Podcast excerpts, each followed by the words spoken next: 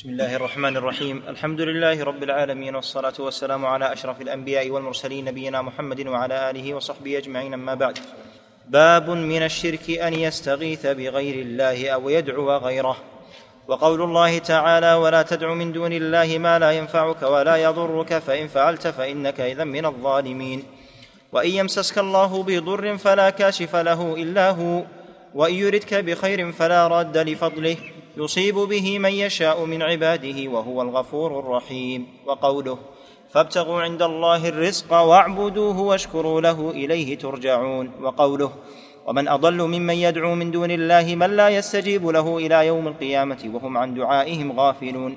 وإذا حشر الناس كانوا لهم أعداء وكانوا بعبادتهم كافرين. وقوله أمن يجيب المضطر إذا دعاه ويكشف السوء ويجعلكم خلفاء الأرض. أإله مع الله؟ قليلا ما تذكرون. روى الطبراني بإسناده أنه كان في زمان النبي صلى الله عليه وسلم منافق يؤذي المؤمنين. فقال بعضهم قوموا بنا نستغيث برسول الله صلى الله عليه وسلم من هذا المنافق. فقال النبي صلى الله عليه وسلم إنه لا يستغاث بي وإنما يستغاث بالله. الحمد لله رب العالمين صلى الله وسلم وبارك على نبينا محمد وعلى آله وأصحابه أجمعين. أما بعد هذا الباب كالذي قبله. قال المؤلف رحمه الله تعالى باب من الشرك أن يستغيث بغير الله أو يدعو غيره. دعوة الله تعالى الدعاء والاستغاثة من أنواع العبادة التي أمر الله تعالى بها. ولا تصرف إلا لله تعالى. ولهذا تعريف الشرك الذي ينافي التوحيد هو أن يصرف العبد شيئا أو نوعا من أنواع العبادة لغير الله تعالى. هذا يكون شرك.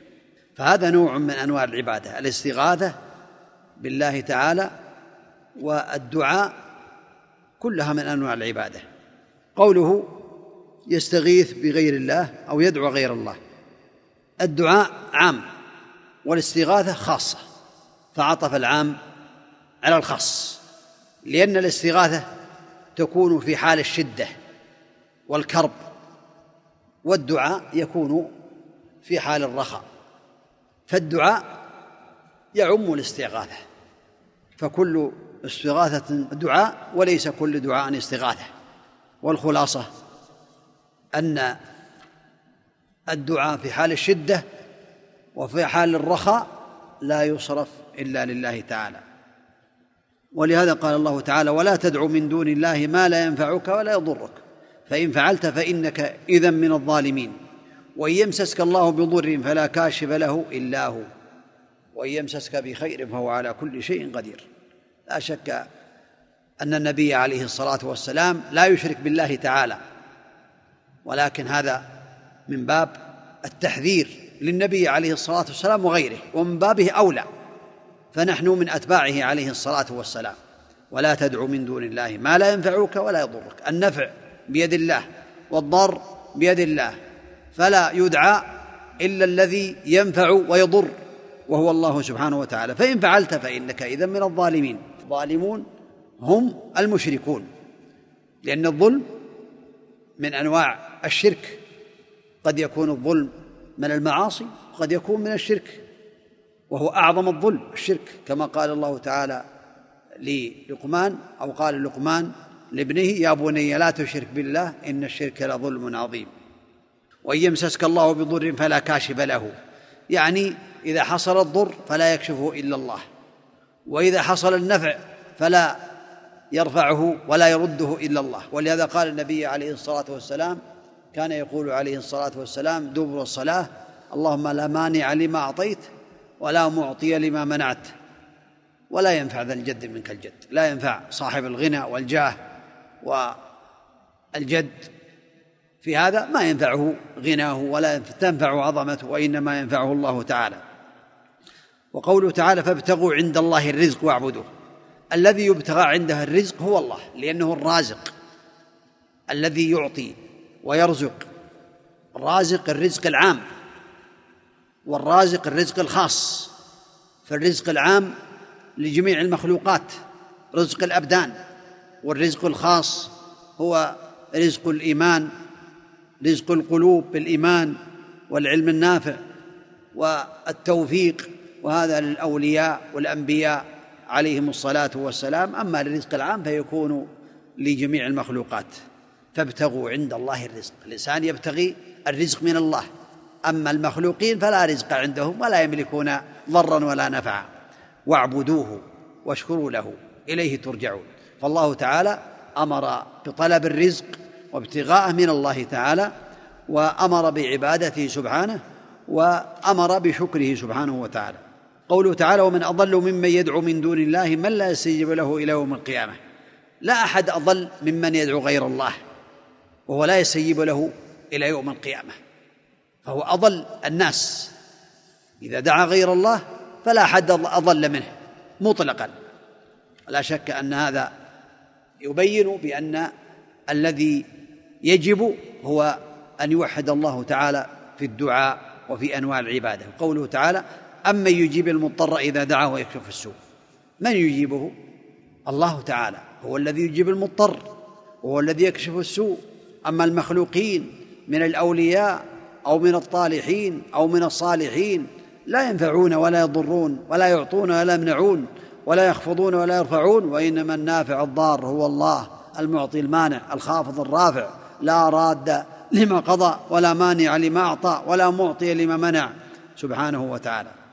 وفي الحديث الذي رواه الطبراني بإسناده أنه كان في زمن النبي صلى الله عليه وسلم منافق يؤذي المؤمنين فقال بعضهم قوموا بنا نستغيث برسول الله صلى الله عليه وسلم من هذا المنافق. فقال النبي عليه الصلاة والسلام إنه لا يستغاث بي وإنما يستغاث بالله. الحديث ضعف كما ذكر العلماء لكن المؤلف رحمه الله تعالى استشهد به ومعناه صحيح لا يستغاث إلا بالله. وهذا الخبر فيه أنهم استغاثوا بالنبي صلى الله عليه وسلم وهذا مما يستطيع النبي عليه الصلاة والسلام. فإما أن يكون قوله إنه لا يستغاث بي وإنما يستغاث بالله إما أن يكون من باب التواضع من باب التعليم ومن باب سد الذرائع حتى يعلم الناس بأنه لا يستغاث إلا بالله تعالى وإما من باب أن النبي عليه الصلاة والسلام سأله ذلك وهو قد قال عليه الصلاة والسلام في الحديث الصحيح لا أريد أن يتحدث الناس أن محمدا يقتل أصحابه أو كما قال النبي عليه الصلاة والسلام. فالخلاصة أنه لا يستغاث إلا بالله وهذا مما يستطيعه النبي عليه الصلاة والسلام. فإما أنه إن صح الحديث إما أنه قاله من باب التواضع ومن باب تعليم الناس ذلك حتى يتأدبوا أو من باب أنه قد قال عليه الصلاة والسلام حينما قيل له يعني في قتل المنافقين قال إني لا أحب أن يتحدث الناس أن محمدا يقتل أصحابه أو كما قال النبي عليه الصلاة والسلام وبالله التوفيق صلى الله وسلم وبارك على نبينا محمد. نعم. أحسن الله إليك. قال العلامة ابن باز رحمه الله تعالى في الباب الرابع عشر من الشرك أن يستغيث بغير الله أو يدعو غيره. هذا من عطف العام على الخاص لأن الاستغاثة من الدعاء فكل مستغيث داع وليس كل داع مستغيث. فالمستغيث هو الذي يدعو عند شدة الكربة كما في الآية فاستغاثه الذي من شيعته وقوله إذ تستغيثون ربكم فالذي يستغيث عند المرض أو أو خوف الغرق بالرسول أو البدوي فهذا من الشرك الأكبر. وكان المشركون في الجاهلية يخلصون الدعاء لله في الشدائد لأنهم يعلمون أنه لا ينجي إلا الله. أما مشركي زماننا فشركهم في الرخاء والشدة فالاستغاثة عند الشدائد شرك أكبر. ولهذا قال الإمام محمد بن عبد الوهاب رحمه الله تعالى في القاعدة الرابعة من قواعد الشرك قواعد في التوحيد قال أن مشركي زماننا أغلظ شركا من من الأولين لأن الأولين يخلصون في الشدة ويشركون في الرخاء.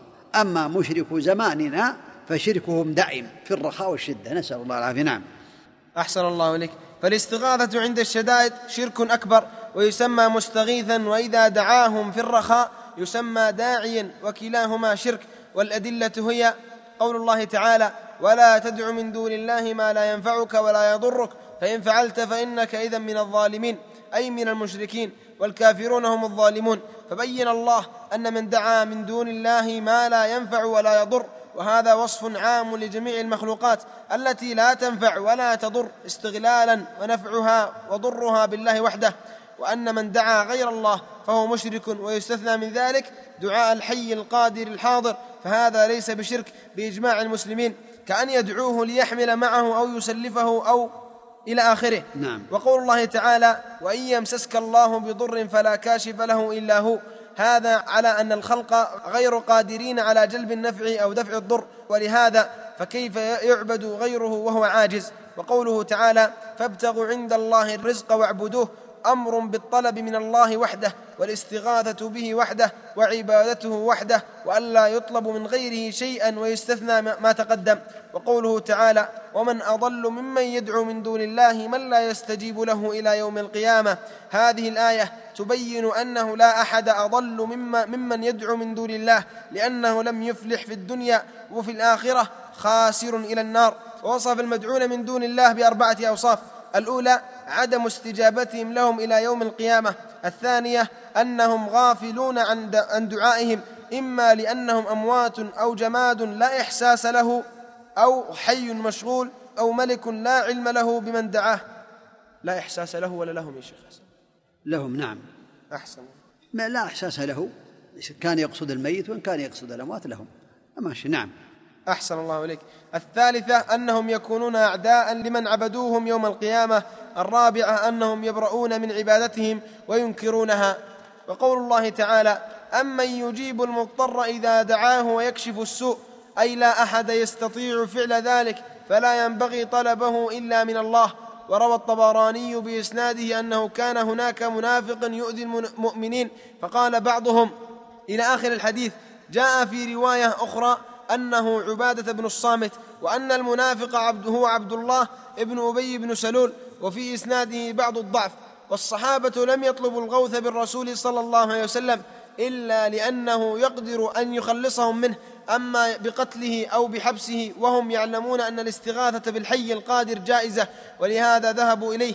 قوله لا يستغاث بي يحتمل أمرين الأول أن النبي صلى الله عليه وسلم لا يستطيع قتله لأنه كان ممنوعا من قتله لأجل ألا يتحدث الناس بأن محمدا يقتل أصحابه فامتنع من قتله. الثاني يحتمل إن صح الخبر أنه قال سدا للذريعة وإن كان قادرا على التخلص منه حتى لا تقع منهم هذه الكلمة في أمور لا يقدر عليها. والشاهد أنه لا يستغاث بغير الله إلا فيما يقدر عليه الحي. انتهى كلامه رحمه الله في الباب الرابع عشر.